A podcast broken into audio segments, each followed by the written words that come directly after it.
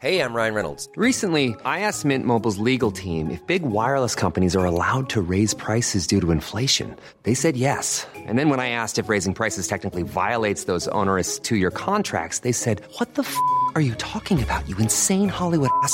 F- So to recap, we're cutting the price of Mint Unlimited from $30 a month to just $15 a month. Give it a try at mintmobile.com slash switch. $45 upfront for three months plus taxes and fees. Promo rate for new customers for limited time. Unlimited more than 40 gigabytes per month. Slows. Full terms at mintmobile.com.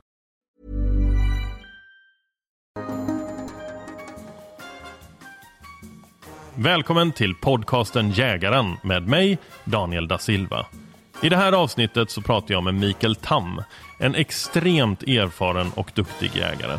Och Anledningen att jag startade den här podden från första början var just att jag ville träffa duktiga, erfarna jägare för att lära mig mer. Och Det är precis det jag gör i det här avsnittet och det hoppas jag att ni också ska göra såklart.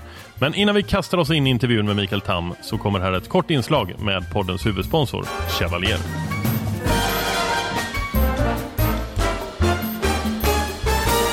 Ja, då sitter jag här igen med Ida som är produktchef här på Chevalier.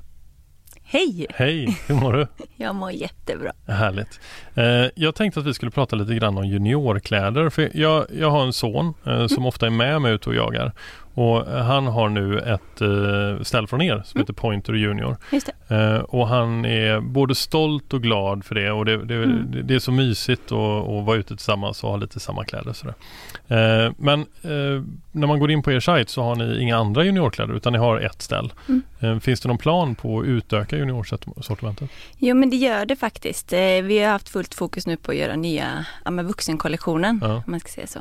Så eh, det finns en plan för det men produktutvecklingen är ju väldigt lång med alla tyger och ledtider och sådär. Kan du redan nu tisa om vad det kommer bli? Är det liksom eh, accessoarer eller är det mer hela jackor? Eller? Nej men vi En tänker... liten tweed? kanske? ja, det är ju det, det, Det det coolt. finaste.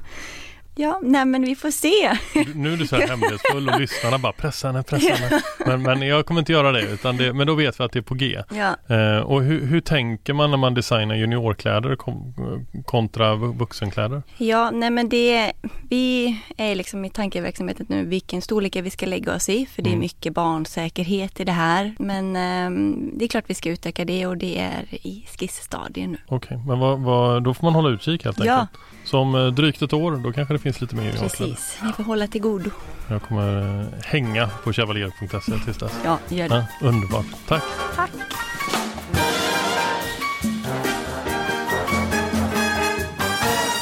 Då är det dags att dra igång dagens avsnitt tillsammans med jägaren Mikael Tam.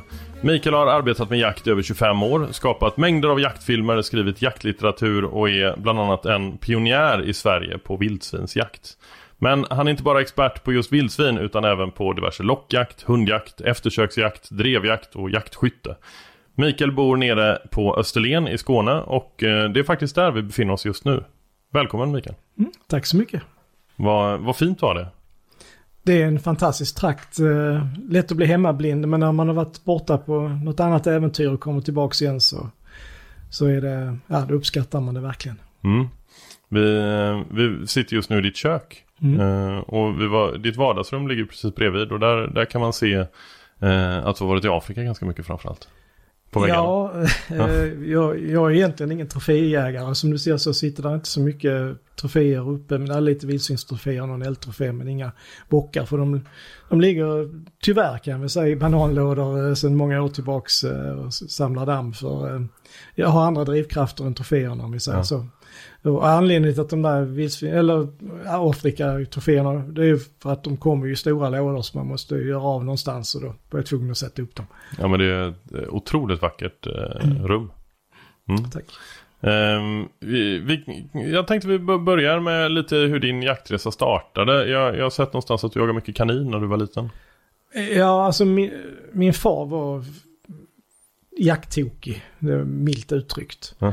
Och, och eh, så jag fick ju vara med som barnsben och det fanns inte så mycket, men han kunde man inte spela fotboll, vilket inte jag kunde, så fanns det inte så mycket annat än att jaga, höll sig. Och, och han hade väldigt stor, fina möjligheter och, och var alltid ute och jaga och inspirera mig. Och, eh, så det, det började ju med att, eh, och, ja, det såg ju helt annorlunda ut. då fanns det ju väldigt mycket kaniner till exempel. Mm. Eh, som, så redan så där vid 7-8 så fick jag, jag vet inte om man fick det på den tiden, men det var ingen som brydde sig. Jag kunde gå ut själv med min 22 eller min Mm. salongsgevär och skjuta kaniner och så tog man svansarna och så åkte man ner till, till bonden och så fick jag skottpengar. Jag kommer inte ihåg, men det kanske var 25 öre eller en krona eller vad det kan ha varit för Ja, var för varje, alltså. varje kaninsvans jag levererade. Ja. Så liksom det var där det startade. Mm. Jagar du fortfarande kanin? Tyvärr så finns det ju inga kaniner längre. Nej. Eh, inte jaktbara stammar i alla fall. Ja, okej. Så att, eh, så det, kartan, är- jaktligt sett har ju kartan ritats som totalt i den här trakten. Ja. Som, som på så många andra ställen. Va? Det är, En ganska rak fråga. Eh, varför jagar du? ja, alltså den frågan har jag egentligen inte ställt mig för de sista åren egentligen. För då, Nej. då faller sig så naturligt. Det, liksom, det, det kom ju, kom ju med, från barnsben och hela vägen fram. Va? Mm. Ehm, och titt, börjar jag liksom fundera lite grann så kan jag ju se att det är ju inte köttet. Alltså, kö, alltså det är inte att skaffa, fylla frysboxen då. Nej. Som är min huvudsakliga drivkraft. Utan det är, och det är inte troféer som jag sa va. Utan det är, det är upplevelser. Mm. Ehm, det är spänningen, det är samarbetet med hundarna. Det är alltihopa som är runt omkring. Eh, sen kan jag ju känna också, eller märker ju att själva skottögonblicket blir mindre och mindre väsentligt Mm. med tiden då. Men jag menar, i ungdomen och många år framöver så, så var det ju väldigt viktigt att få skjuta. Idag så är jag ju så yrkesskadad så att jag tar ju nästan inte skott utan jag har en kamera med mig. Nej. Eh, För då, då kan jag ju gå och gräma mig i, i månader efter att wow vilken scen det där hade blivit Ja, om jag visst. hade haft en kamera bakom Ja. mig. Va? Får du fortfarande puls vid eh, skottögonblicket? Det där är ju nästa grej. Alltså jag, jag kan ju komma ihåg när jag, jag tror jag var 14 år när jag sköt min första eh, bock. Va? Mm. Och, och liksom hur liksom allting skakar och vilken enormt ans, anslag man hade med puls och, och, och alltihopa. Och det kan jag ju tyvärr inte frammana längre. Ja, det är så. Och, ja, och det, sen är det ju vissa situationer då, jag menar om du går in på, på ett ståndskall på, på, på ett vildsvin, eh, större vildsvin eh, och så vidare. Får man inte upp pulsen lite grann då så, Ja, du vet, jag är ju eh, själv, jag blir ju vrålskakig efteråt. Mm. Alltså sådär, eh, sån otrolig adrenalinrush. Som, och ångest också. Alltså det är alla möjliga olika känslor. Ont i magen, alltså jag har varit med om det mesta liksom. Men jag har aldrig varit helt oberörd sådär. Eh, så ibland undrar jag vad fan håller jag på med. Men, men, eh, Men jag saknar ju det här va. Alltså, Ja. och det- är ju därför det är kul att ta med någon yngre, behöver inte vara yngre, alltså en ny jägare, men som verkligen, man ser den här jaktlyckan och den här liksom, alltså hur, hur exalterade de är. Alltså det är ju roligare för mig än att, att skjuta själv ja, egentligen. men det är många erfarna som säger det. Mm. Och det är ju fantastiskt att ni, att ni finns. Ja, nej, alltså det, det här är ju jätteviktigt idag. För jag menar, när jag började då, var det ju liksom, då var det ju papper och farbrödrar och morfar. Alltså, det, var, man hade, Mm. det fanns ju ett nätverk eh, som, som, där man kom in i jakten ofta i tidig ålder. Man liksom var med, och menar, man satt med på passen och var med ute och liksom fick den här skogsvanan och viltvanan och så vidare. Vilket många, idag inte, många, många idag börjar jaga utan att ha ett nätverk överhuvudtaget. Som jaktligt omkring sig och kanske går en, en eh, en äh, jägarexamen på tre dagar, vilket jag är starkt kritisk till då. Eh, och sen ska man ut och jaga. Jag menar, då är det ju guld värt att ha en fadder eller som liksom tar en under vingarna och liksom låter en vara med och introducera en i jakten. Och Ja. Bara sådana saker som att lära sig att ta ur och ta, ur och ta vara på viltet och, och alla de här bitarna då. Viltvanan. Mm. Eh, som du ska, behöver ju vara ute jättemycket i Ja, skog gud, och ja. mark för att liksom utan vapen va. För att, eh, Ja, och så är det ju med allt i livet. Mm. Alltså erfarenhet, det finns ingenting som slår det. Men nu, nu nämnde du eh, de här intensivkurserna. Eh, eh, bara prata om det lite snabbt, för det är ju ett hett eh, ämne. Eh, och, eh, och det poppar ju upp fler och fler intensivkurser. Och jag tror även faktiskt man kan göra det helt digitalt idag till och med. Vad, vad, vad tänker du kring, kring de bitarna? ja man kan ju inte skapa sig en jäklig grund så att säga på de här få dagarna. Man läser in teoretiskt och så vidare va. Eh, så det, det det skulle ju behövt vara, men då, då är ju alternativet är ju de här som går under som, stu, alltså som vad heter det, studiekurser, Ja, exakt, en som gång är i liksom- veckan och så vidare. ja. Då, då är de ju mycket bättre alternativ så att säga. Va? Mm. Där man har en, förhoppningsvis en duktig kursledare liksom, som Mm. under x antal veckor går igenom saker och ting. Va? Och det, det är ju absolut bättre alternativ. Alltså. Mm. Sen finns det ju positiva saker. Det, det är ju jaktfilm till exempel. Mm. Du kan lära dig väldigt mycket av att Ja. titta på duktiga jägare som är med i, i filmer och så vidare. Finns jättemycket på YouTube och MOTV och, och ja, på streaming, Bearplay och så vidare. Va? Du, du är en av dem som har gjort eh, extremt mycket jaktfilm. Mm. Och du och några till är ju väldigt pedagogiska i era filmer. Eh, och, och går igenom och pratar om antingen lockteknik Mm. eller viltets beteende och liknande. Och eh, ja men det är ju otroligt lärorikt för tittarna. Alltså det har ju alltid varit mitt eh, motto att det ska inte bara vara massa skjutande. Där, där ska vara jäklig dramatik, där ska vara skott med, men jag vill förmedla någonting också. Så att även om man inte hade tänkt lära sig någonting så har man tittat på, någon min, eh, på en film med mig så ska man fått någonting till godo som förhoppningsvis ökar ens kunskapsbank så att säga som jägare. Va? Vi kan fortsätta att prata lite om jaktfilm tycker jag. För, för det är ju någonting som du har hållit på med i eh, ja, men 20 år. Ja, jag hann göra någon VHS-rulle Ja. innan DVDn tog över. Ja. Så att, eh, och det var ett bananskal egentligen, jag hamnade där.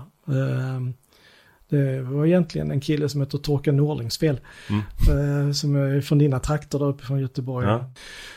Och sen så eh, gjorde Torkel en film om vildsvinsjakt. Och då tänkte jag, vad fasen kan han så kan väl jag också. Mm. Och då hade de här kamerorna, alltså jag hade velat göra film långt tidigare men då kostade ju liksom, det var en kvarts miljon, kvarts miljon för kameran och en analog eh, videostudio som man inte kunde hantera och så vidare. Men då hade liksom kamerorna blivit så små och, och, och så pass billiga så det gick att göra. Mm. Och det var egentligen bara tanken att det skulle bli en engångsprojekt. Så skulle jag ju fortsätta och, och, och, skriva och ja, jaktjournalistik och, Ja. och fota och så vidare. Men så tänkte jag att fan, det här var ju kul ju. Ja. Och, och eh, det fanns ju ett enormt driv efter att eh, titta just på vildsvinsjakt och lära sig mer om det. När, när var detta? Detta måste varit eh, precis början på 2000-talet. Ja. Nu är det andra tider. Men det är, det är ju väldigt speciellt. Idag är ju tekniken mycket enklare. Men Mm. viltet är ju densamma. Men eh, det är en svår sak att filma. Mm. I och med att man själv inte styr över vad som ska hända. Nej, det kan ju vara djupt frustrerande. Ja. Alltså, jag menar man kan vara ute dag efter dag efter dag. Eh, utan att få en, en bra scen helt enkelt. Ja. För liksom mitt upplägg det är liksom att man måste ha de här killshotsen. Mm. Sen kan man bygga en story runt det och liksom plocka in kunskap och, och, och, och så vidare. Men du måste ändå ha den jäkliga dramatiken med att säga. Va? Vad tycker du är svårast att fånga på film? Vil, vilka jaktformer är enkla att filma och vilka, vilka jaktformer är svåra att filma? Ja, de enklaste är ju egentligen att, att åka till en, en, en bra drevjakt med mycket vilt och stå på pass. Mm. Det, det är ju, jag menar, vi har ju runt om i Sverige då fantastiska marker alltså med jättemycket dov, jättemycket vildsvin, kronvilt och så vidare. Eh, då, då får man ju x antal scener.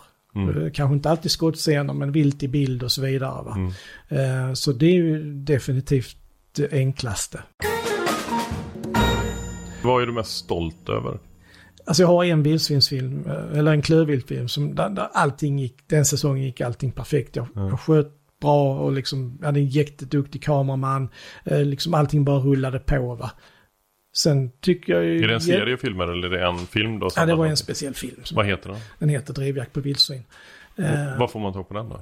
Ja, den ligger på MOTV eh, bland annat. Mm. Och den finns på DVD fortfarande. Ja. av några stycken kvar ute på laget. Ja. Det finns även på Jaktflix. Sen någonting som var väldigt roligt, det var ju att vara med och starta, får man väl ändå säga, lockjaktstrenden på räv då. Mm, mm. Storyn bakom den, nu vet jag att du har Ulf Lindroth som Ja, exakt. också. Ja. Ehm, det börjar egentligen med att P.O. Aulén då som gör Nordic Predators lockpipor. Mm. Han ringde mig och sa att Ulf, han har skrivit en artikel eh, om eh, Svensk Jakt, om lockjakt på räv och fått jättestort ansvar. Vi kanske skulle göra en, en, en, film om det där. Mm. Och så jag, nej, alltså det är väl ingen som vill titta på det liksom. Jag, jag såg ju framför mig liksom farbröder som liksom satt och vakade åt eller något sånt Ja. där. Va? men eh, med Ulfs hjälp och kunskap och så vidare så, så lyfte vi ju fram det här och satte igång en trend. Mm. Så vi har, vi har många rävar på vårt samvete Ja. på det viset. Så det, och det har gjort jättemycket för viltvården. Alltså, Ja, så att det, så det, det, det var riktigt kul. Vad är det själv du uppskattar mest med lockjakt då? Ja, det är ju det att man, man överlistar viltet. Ja. För mig är det ju mycket roligare att locka in en bock som kommer in liksom och jag gör någonting aktivt. Än att sitta i ett torn på en klövervall och bocken bara kommer ut och ställer sig och betar. Mm. Eh, det är en utmaning. Va? Ja. Och jag fått till ljuden rätt och jag är rätt kamouflerad. Och, och, nej, men man får dem ofta väldigt nära och det, ja, nej, det är spännande och utmanande. Har du varit med om någon sån riktigt häftig rävupplevelse? Ja, alltså, det, alltså räv är något speciellt. Vi sa ju det här med att få Mm. puls och så vidare. Ja. Är någonting som kan få mig... Det, det är ju liksom... Det är ju när det... Oj, där kommer han va. Ja, Alltså, ja det får du puls på fortfarande. Ja, ja, Ja. Det, men det, det är ju naturligtvis inte som det var förr va. Men Nej. alltså det, det är ändå ett vilt som... eh, För de är så svåra, de är så utmanande, de har alla sinnena på plats va. Vi har varit inne lite grann på vildsvin och det skulle jag vilja prata mer om. Mm. Eh, för du var ju väldigt tidig med vildsvinsjakt. Och för många av oss som är nya, vi vet om att det inte alltid har funnits vildsvin och framförallt inte den mängden det finns nu. Eh, men, men berätta lite hur det var när det, när det började. Ja, alltså det är ju, man hade ju bara en jäkla tur att man råkade bo i ett område där de etablerar sig. Det var ju här nere Ja. och jag tror de, Stockholmsområdet söder om Stockholm var de något år tidigare men nu ungefär jäm- Och det började med att de smet från ett hägn. Ja, smet, det, smet, det är väl hult i historiens dunkel, eh, heter det. Men eh, de har ju naturligtvis kommit ut ifrån några häng någonstans ju. Eh, och sen någonstans där, slutet av 70-talet, början på 80-talet, så helt plötsligt så började de ju dyka upp då. Ja. Eh, och eh, sen gick ju åren och det hände inte så mycket va. Och det, det, det har ju att göra med att vildsvin har en exponentiell tillväxt. Mm. Liksom de, om det inte är någon dödlighet så är de ju två första år, sen är de fyra och sen åtta och så Ja. 16, 32 och sen och sen efter sju, åtta år då kommer ju ketchup-effekten brukar jag kalla det för. Liksom Mm. då, då, då, den här, då kommer den här exponentiella tillväxten. Ja, alltså, som det bara, man upplever att det blir en explosion. Va? Ja. Eh, och det, den fick vi ju här då i slutet på 80-talet. Va? Mm. Och sen är jag ju, jag är jäkligt nyfiken av mig och vill förkovra mig och, och, och, eh, så, och då hade jag ju haft turen att ha min jakttokiga pappa som har tagit med mig då till Polen och andra länder runt om i Europa som, som har, hade vildsvin redan då. Ja. Så att jag hade ju jagat vildsvin sedan tidiga tonåren utomlands ja. då. Eh, Och var ju liksom hooked, alltså jag, det, det var ju spännande va. Mm. Eh, och och ehm, i samband med det så tänkte jag, måste, jag måste lära mig mer. Va? Så jag började liksom läsa in mig på allting jag kunde hitta i tysk litteratur om vildsvin. eh, Liksom, lite grann som du, liksom Mm. polska yrkesjägare, liksom höll man långa förhör med och Ja. liksom sög åt sig allting. Va? Och sen, sen tyckte jag liksom att då ville jag dela med mig av det här så Ja, då skrev jag en bok om det. Va? Precis som jag gjorde om eftersök några år innan då. Va? Vad, vad tror du eh, framåt då? Om du skulle sia om 5-10 år? Alltså man kan ju bara spekulera. Jag menar, hade, hade någon sagt till mig på 80-talet när de första vildsvinen liksom var här och där, att, att det ska se ut som det gör idag. Att det är liksom det viktigaste viltet, det som har drivit jaktbranschen. Alltså, Mycket av min tillvaro är baserad på vildsvinen. Ju, de tackar för jättemycket. Va? Eh, alla jaktbutiker, försäljning och, och allt, allt ifrån vildsvinsbyxor till, till kära och liksom, ja, you name it. Va? Liksom, det har ju drivit hela den här branschen va? under många år. Tittar vi i det här området så har vi ungefär legat på samma nivå i över tio år. Ja. Eh, Så det går upp och det går ner. Tuffa vintrar får de stryk. Eh, Regniga vårar stryker kultingarna med och sen året efter så är det bra igen. Alltså de, de har ju en väldigt hög eh, förökningstakt. Mm. Det finns väl en och annan vit fläck eh, på kartan eh, runt om i, i Sverige va? Mm. där de fortfarande inte för de, de, de sprider sig väldigt långsamt då. Mm. Va, när man jagar vildsvin, jag har, eh, jag har jagat en hel del vildsvin. Eh, Jag har fällt väldigt få vildsvin. Jag tycker det är svårt. Jag är nästan överförsiktig när jag jagar. Och eh, alltså en kultingförande sugga eh, är ju liksom alltid fredad. Eh, men däremot så eh, tycker jag att det kan vara svårt att, att avgöra storlek och kön på djuren. Du tycker inte det såklart. Men vad är dina liksom, tips till en relativt ny jägare? Vad, vad är det man ska titta efter? Ja, men det, det är precis som du säger, det, det är ju ett jättesvårt vilt. Eh, framförallt om de är ensamma så du inte har någonting att jämföra storleken med. Ja. Och, eh, och sen är ju nästa bekymmer, då är det galt eller sugga. Och, och, eh, så det absolut bästa, det är ju att titta under buklinjen. Är det en pensel under magen?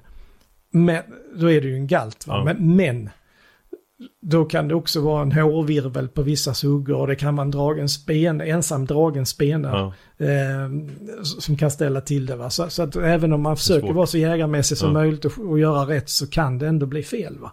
Hur är det här med att, att fälla en ensam sugga som inte är spendragen? Är vi i ett område där vi behöver decimera vildsvinsstammen så är det väl inget fel att skjuta en sugga såvida hon inte har några kultingar. Men det kan man ju inte göra en drevjakt. Nej, nej. Alltså för det här med kulting, att det är ju ett lagbrott att skjuta en kultingförande sugga än så länge. Men jag menar, det kan du ju aldrig veta på en drevjakt för hundarna kan ju ha sprängt flocken så Ja, exakt. och det, det är ju nästan vanligare än ovanligt att suggan kommer ensam. Ja. Och så fem minuter senare så kommer kultingarna på hennes spår va. Mm. Jag menar skjuter du henne där och sen rätt som det är så börjar kultingarna komma då, då är det inget kul va. Nej, nej, nej. Eh, Så, så ska du skjuta suggor så ska det ju göras under vakjakt eller Mm. pyrsch där det liksom, du ser, du kan studera djuret i, i god, eh, ja, länge och väl och liksom, Ja, det var det jag syftade till. Ja. Men, men, men det känns fortfarande som att om någon gör det så, så finns det fortfarande väldigt mycket kritiker. så är det ju med de sociala medierna i all ära va. Eh, det är många computer warriors som, som har uppfattningar och, och det ska man ju ha. Det är ju intressant med de här forumen, det är inget fel med dem va. Det är intressant att se hur många olika uppfattningar det finns. Men i, i min uppfattning är det liksom att är det ett område där du har väldigt mycket vildsvin och du anser att du behöver decimera stammen. Jag menar sitter du på en åtel då och du ser liksom att okej, här är ett par stycken vuxna hongrisar. Ja men skjut den minsta av dem då. Mm. Det är väl inget fel i det. Nej. Va? Däremot så den sista grisen man ska skjuta överhuvudtaget är ju den gamla ledarsuggan. Mm. Som tyvärr inte behöver vara den största. Ja, okej. Utan det har ingenting med storleken, det har bara med åldern att göra. Och det ser du på beteendet hur... Ja, det, det gör man normalt sett. Ja.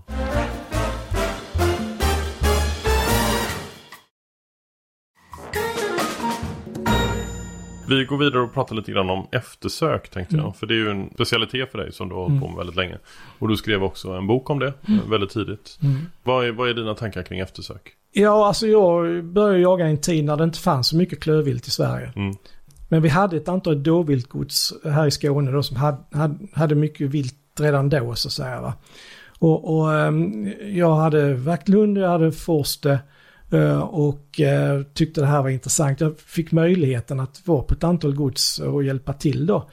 Ehm, men jag insåg att jag var inte så jädra effektiv som jag ville vara. Va? Ehm, det var, var inte, det var inga större spårhundar jag hade va, utan men de var jävligt effektiva när det gäller att, bara de fick närkontakt med viltet va, Ja. så tog de hand om det. Eh, men jag misslyckades ju med de här som inte hundarna kom i närkontakt med, för jag hade för dåliga spårhundar helt Mm. Ja. Så då började jag liksom nysta i det här då va, och samarbetade bland annat med en kvinna som höll bara på med brukshundar Okej. fullkomligt jaktren va. Ja. Eh, men hon hade sagolikt bra spårhund va. Mhm. Så vi jobbade liksom i dubbelekipage. Eh, så hon spårade fram till att vi kom till sårlägaren och sen tog jag hand om resten med min Ja. forster då va. Och då liksom, så insåg jag liksom att vi har mycket att lära här och ja, la ihop ett och ett och så blev den bokad och där då. Men hur ska man tänka om man, om man är intresserad av eftersök och har hund? Hur bör man tänka för att få en bra eftersökshund, tycker du? Ja, det är väl alltid en bra start att gå någon, någon kurs hos någon, någon duktig eh, eftersöksjägare. Mm. Alla hundar kan ju gå spår, lära sig att spåra eller man kan, det är en bra träning oavsett Mm. om man har tänkt ha dem som specialist eller om det bara är liksom en, en, ja, en jakthund som kanske ska göra andra grejer egentligen. Va? Och sen så eh, ska, ska en hund bli bra så måste den ha jättemycket rutin. Mm. Ehm, Du kan spårträna men, men, men eh, just som du säger de här extremt viltrika markerna där liksom du går i, på en kilometer spårning så har du kanske fem viltkontakter. Ja, exakt. Det är som Ja. du går in i en första bästa plantering du går in i så bara sprutar det ut Ja, dovhjortar Ja, och grisar och hunden helst, ska liksom. liksom gå rätt över det utan att bry sig. Liksom Ja. bara fixera vid spåret. Och det, det kräver ju hundar som bara sysslar med detta. De. Det är inga hundar man kan jaga med så att säga vanligt. Va? Eh, För då kan man inte begära att de ska vara spårtrogna. Va? Så att, eh, så det är, och i, i takt med att viltstammarna har ökat i Sverige så har ju behovet av eftersök ökat och nu finns det ju jättemånga duktiga killar och tjejer som, som Mm. håller på med eftersök. Va? Och, så det, det fanns det ju inte när jag började. Va? Liksom det, det behov, eftersom behovet inte fanns. Drevjakt är ju en, en, eh, en häftig och fartfylld eh, jaktform. Eh, som väldigt många eh, sysslar med på olika sätt. Eh, antingen att man jobbar med hund eh, eller att man faktiskt tillhör ett jaktlag och åker och är passkytt. Eh, och vad, vad skulle du vilja säga som passkytt? Jag vet att du har, du har pysslat en, en hel del med drevjakt, det är väl nästan en underdrift. Men eh, som passkytt, vad, vad ska man tänka på för att bli en duktig passkytt på drevjakt? Ja, för det första så gäller det ju att vara väl förberedd. Och då menar jag ju liksom inte att man ska ha de värsta prylarna. Eh, utan viltvana.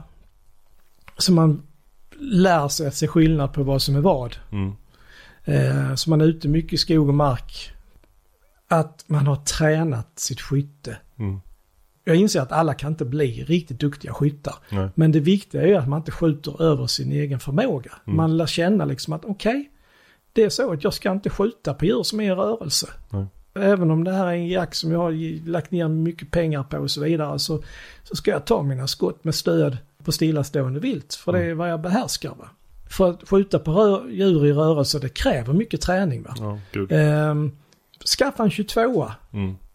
det kostar, du kan skjuta alltså 15 stycken 22 för varje klass 1-kula du släpper iväg. Skaffa dig ett ställe där du kan åka och skjuta en, en dag i veckan.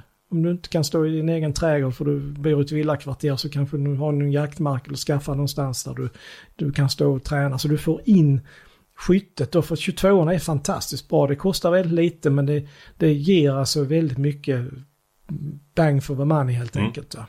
Och sen så är det ju att när man kommer på själva passet att man funderar ut var kan viltet komma någonstans? Var ska jag ta mina skott? Hur, om var- vi om vi pausar det där. Var kan viltet komma någonstans? Vad, vad letar du efter då? Ja, det är ju naturligtvis redan på vägen ut se om det är någon viltväxel och så vidare. Mm. Eller om där är stråk liksom som talar om liksom att okej, här, är en, här kommer ju liksom en tätning ut och då, ja, då kommer ju förmodligen viltet vilja följa där och så vidare. Mm. Eh, och sen det viktigaste är ju liksom säkerheten, att man funderar på okej, jag kan ta skott där va.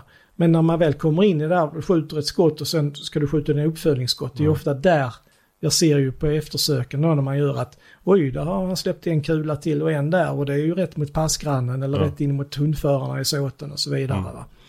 Mm. Eh, så att, eh, att man, man inte blir för exalterad och för uppjagad utan man, det är ju lätt att sitta här och säga att man ska vara cool och, och, och verkligen i sitt skytte. Jo, fast det är ju därför du, du sitter där. För att Ja. få kunna att- säga det.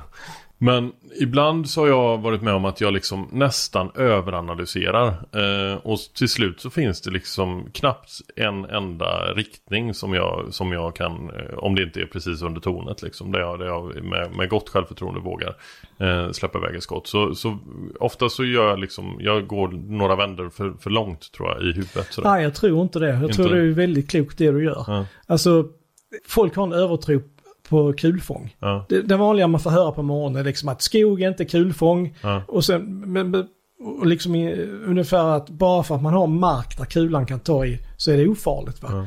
Då har man aldrig varit med om en rikoschett. Nej.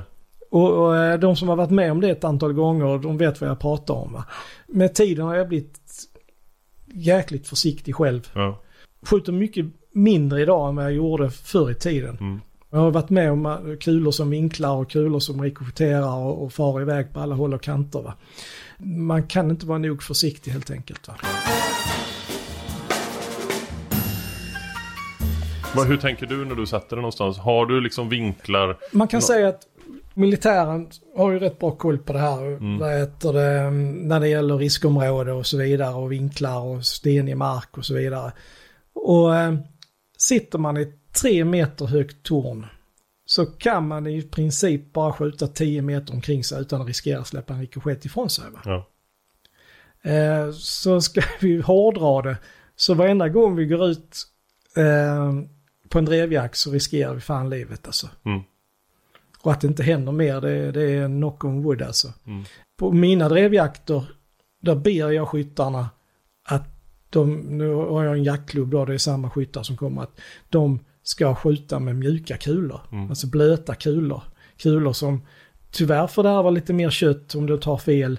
Eh, men de är inte ofarliga, men när de väl träffar någonting så fragmenteras de ju, det blir mindre rest, restvikt, de far inte iväg så långt. Va? Nej. Långt ifrån det ofarliga, men jag känner mig ändå lite tryggare med dem jag gör med de här hårda eh, blyfria kulorna eller bondade kulorna som är, kanske, kan vara jättebra i andra sammanhang, liksom på vakjakt och så vidare. Va? Mm. Eh, men inte under drevjakt.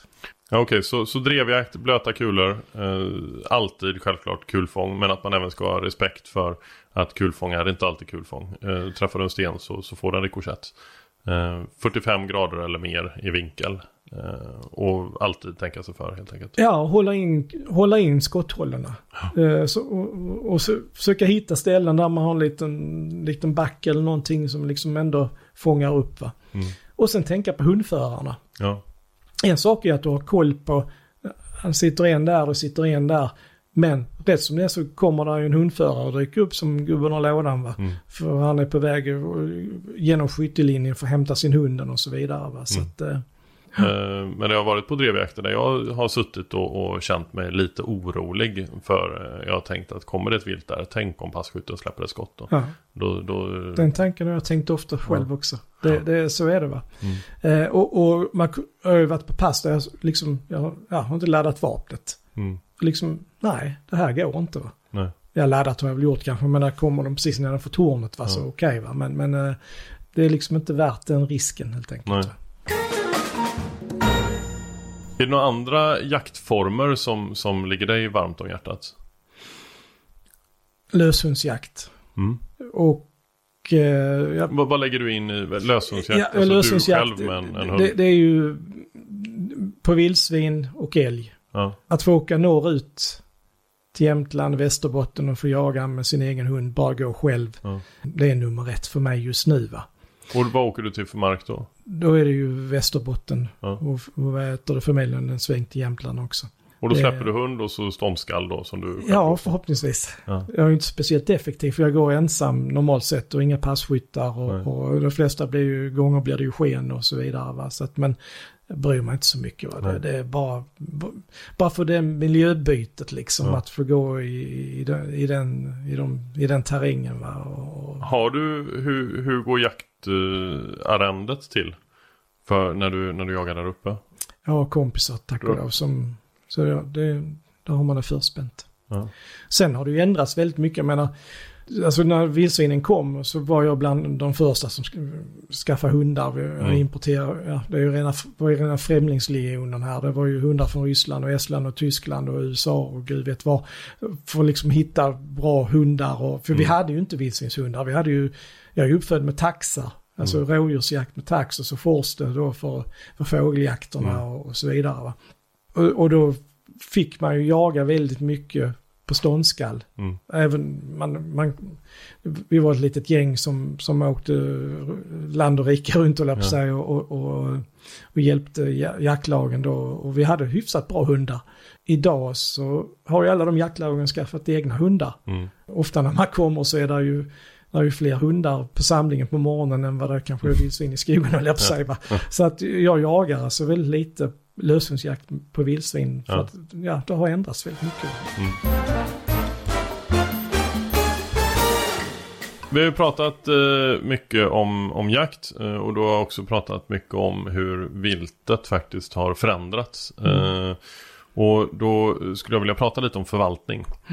Eh, hur, eh, hur ser du på eh, hur det ser ut idag? Idag så är det ju många mindre jaktlag som har mindre marker. Och många kanske inte samarbetar med varandra och så vidare. Hur, på vilket sätt påverkar det förvaltning idag? Alltså nu är Skåne lite speciellt. Det skiljer sig ju lite grann från resten av landet. I och med Mm. att vi har stora egendomar som är omgivna av väldigt ägosplittrade områden då. Mm.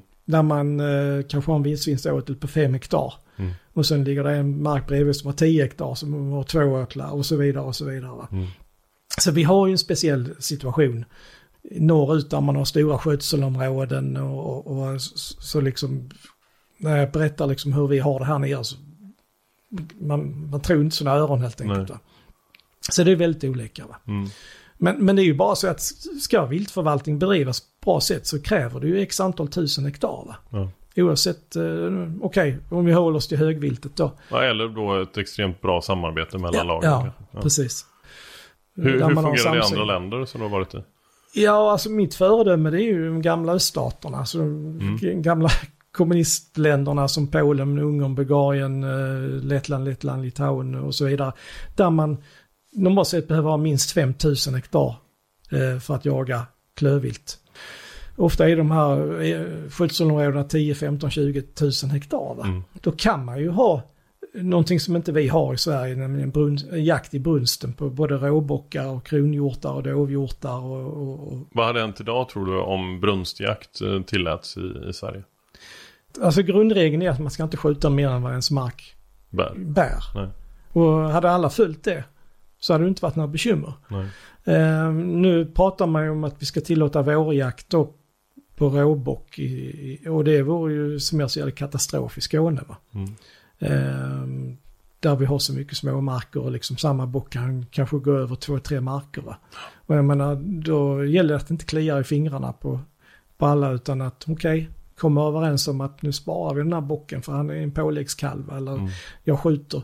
Jag skjuter en bock var tredje år liksom, det är Mm. vad min mark bär. Va? Mm. Eh, men eh, här nere i Skåne så är ju på många andra ställen också, jaktmark är ju en bristvara. Va? Mm. Vi är mycket jägare på liten yta, arrendena blir jättehöga.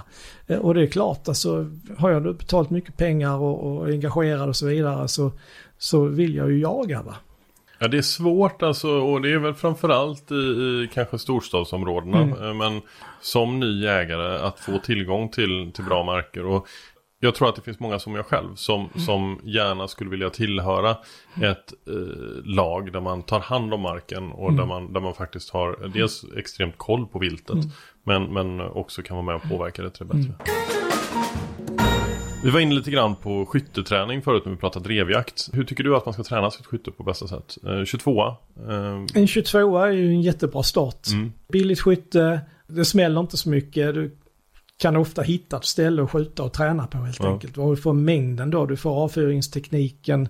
Det enda du inte får, det är ju rekylen då. Nej, exakt. Eh, och, och rekylen blir ju, den påverkar ju oss. Ingen skjuter bra med mycket rekyl. Nej. Och jag har haft en del jaktskyttekurser då.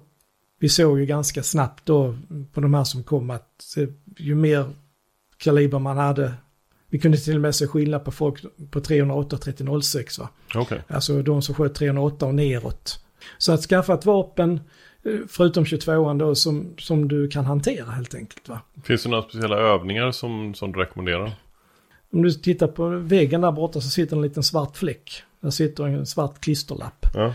Den står jag och siktar på eh, med jämna mellanrum. Ja. Och bara gör alltså, bara torrtränar. Ja. Dry firing, alltså skjuter och skjuter och skjuter. Ja.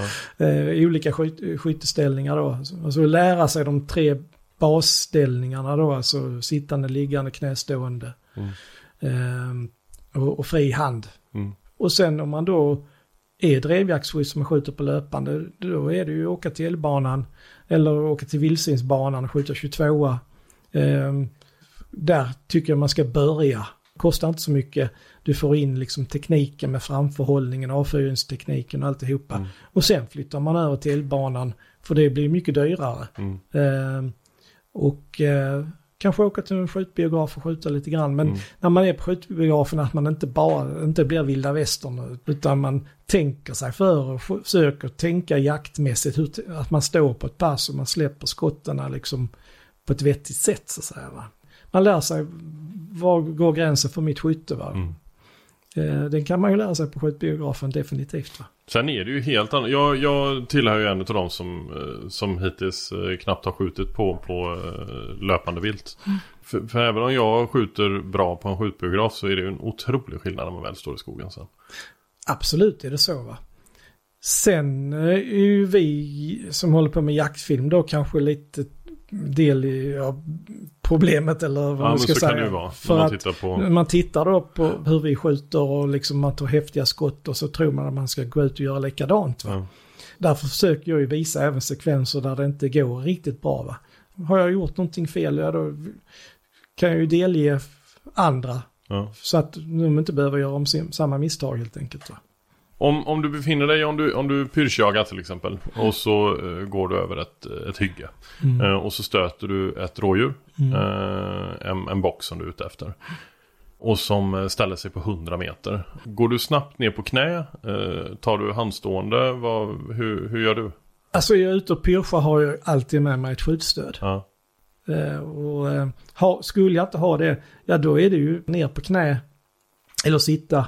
Eh, så man får så många stödjepunkter som möjligt. Va? Nu har vi pratat om jakt på ett väldigt positivt sätt. Men vad, vad skulle du vilja säga att det finns för baksidor?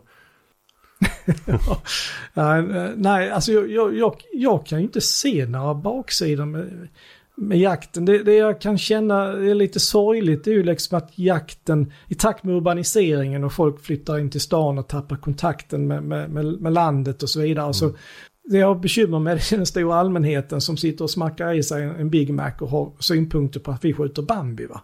Eh, de, alltså, den här känslomässiga Disneyficeringen av, av, av, av, djurlivet och, och, och så vidare som drabbar oss jägare då. Eh, den, det är ju egentligen ingen baksida av jakten men liksom den fanns ju inte förr va. Utan, Så det, det har förändrats mycket tycker du? Ja, det har ju förändrats något oerhört ju. Ja. Det var ju ingen som ifrågasatte jakten när jag började jaga. Eh, vad jag kan minnas i alla fall va. Du har ju levt med jakten så länge. För mig som är, är relativt ny på det så, eh, så har jag ju varit tvungen att försvara ganska mycket. Och ju mer jag lär mig desto enklare är det att försvara. Eh, och ju mer jag lär mig desto mer förstår jag också att de som är ofta är ganska kritiska vet eh, extremt lite. Eh, och så är det väl med ganska mycket eh, i livet. Att eh, folk som är kritiska mot saker så beror det ofta på, på okunskap och rädsla och så.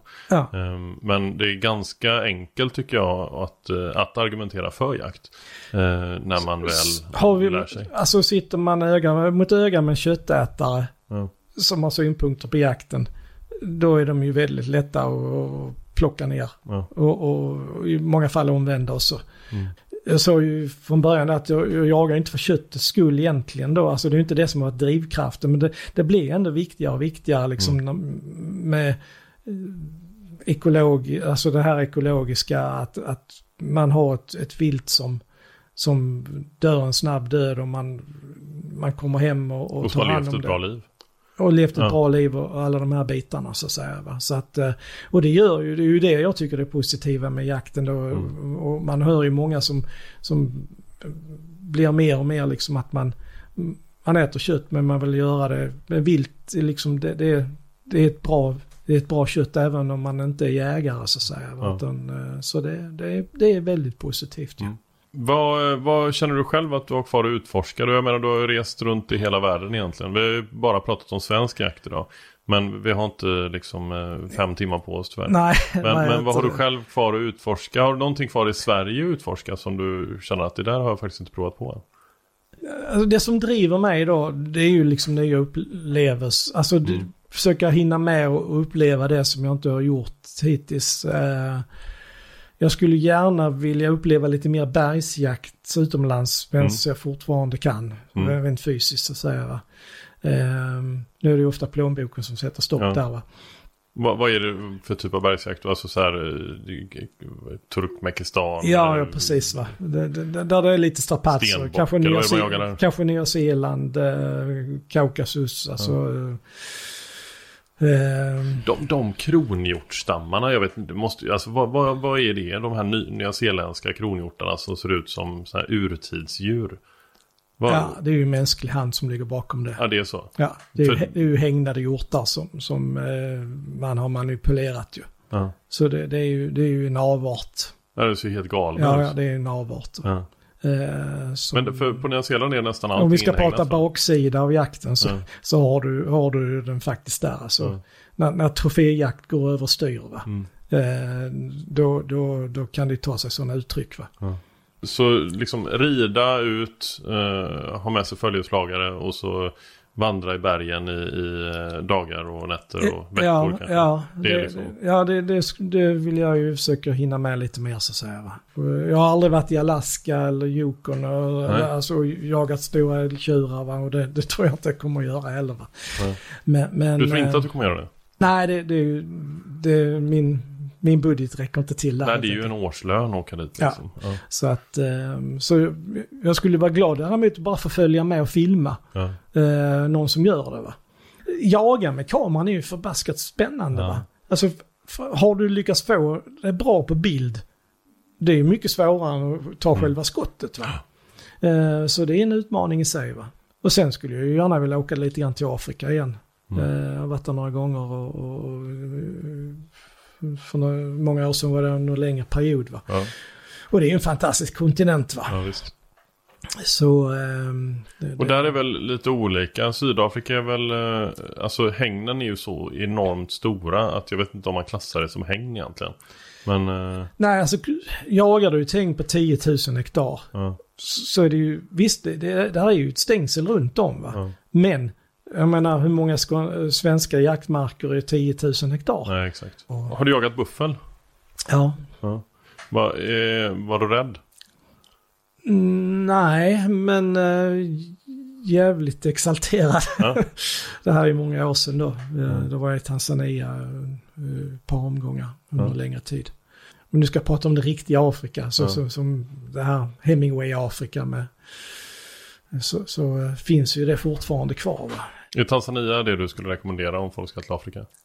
Ja, det, där har jag ju varit. Va? Sen har jag, finns det andra länder som jag inte har varit i, som Zimbabwe, eh, Mosambik och så vidare, Ja. som jag gärna skulle besöka. Botswana. Mm. Med, med riktig vildmark, inga stängsel, eh, tältsafari eh, och så vidare. Va? Så att, eh, Men du är aldrig rädd när du är ute och jagar? Om du jagar björn eller liknande? Alltså jag hade en kort session som eh, jag kallar mig för, jag kallar mig för björnjaktsturist då. Ja. i Sverige då. Jag ska, hade hundar och det, jag hade någon hund som det blev skjutit lite björnar för. Jag, jag var aldrig själv i närheten och jag fick möjligheten att jaga med duktiga björnjägare. Mm. Eh, men jag bor på fel ställe helt enkelt. Ja. Så jag har liksom lagt den karriären på, på hyllan. Eh, så att, så jag, jag har skjutit, jag har aldrig skjutit en svensk björn. Jag har Nej. skjutit björn i, i Ryssland och i Rumänien. Så det, Rumänien finns på film va? Ja, Det det finns en film Ja. om det. Och det där är ju lite roligt också för, Var det i Transylvanien? ja, Ja. rätt uppe i Karpaterna i bergen. Karpaterna? He- helt sinnessjukt. Alltså, Det är en otroligt bra ja. film också. Men det var en liten kul episod. Jag- hade ju turen att få en riktigt stor björn på mig då. Mm. Eh, och, och jag hann aldrig, alltså den kommer och, och så skjuter jag, skjuter jag den helt enkelt. Och liksom det hann aldrig bli någon, bli någon puls och så vidare. Men när vi har stått där en minut så Roger som filmar hos mig då som är en, han har jagat precis lika mycket som mig och är en riktigt, riktigt duktig jägare. Mm. Så han stod med kameran då. Så säger han, känner du samma som mig? Ja, så då hade vi alltså en lätt darrning i, i vaderna båda två. Ah. Så, så där, det är ju ett vilt som onekligen eh, verkligen testar. Så, eh, så verkligen kudos till, de här duktiga björnjägarna vi har i Sverige idag. Va? Så det, det, det, det kräver sin man eller kvinna alltså. Mm. Definitivt att gå in på ett ståndskall. Ja, häftigt. Men då, jag skulle vilja tacka så jättemycket för att jag fick prata med dig. Det har varit extremt lärorikt. Mm. Eh, Vi har gått igenom det mesta. Eh, vi har ju liksom pratat om allt från din uppväxt till eh, Mm. drevjakter och lock, lockjakt och, Mm. och eh, skytteträning. Och, vi har pratat om massor. Ja, får hoppas att du får åka iväg och, och springa runt i bergen nu då snart. jajamän, får Ja. hoppas för det. Ja. Stort tack. Det var kul att vara med i sin första podcast. Ja, vad roligt. Ja, jättekul att vara med. Tack. Tack för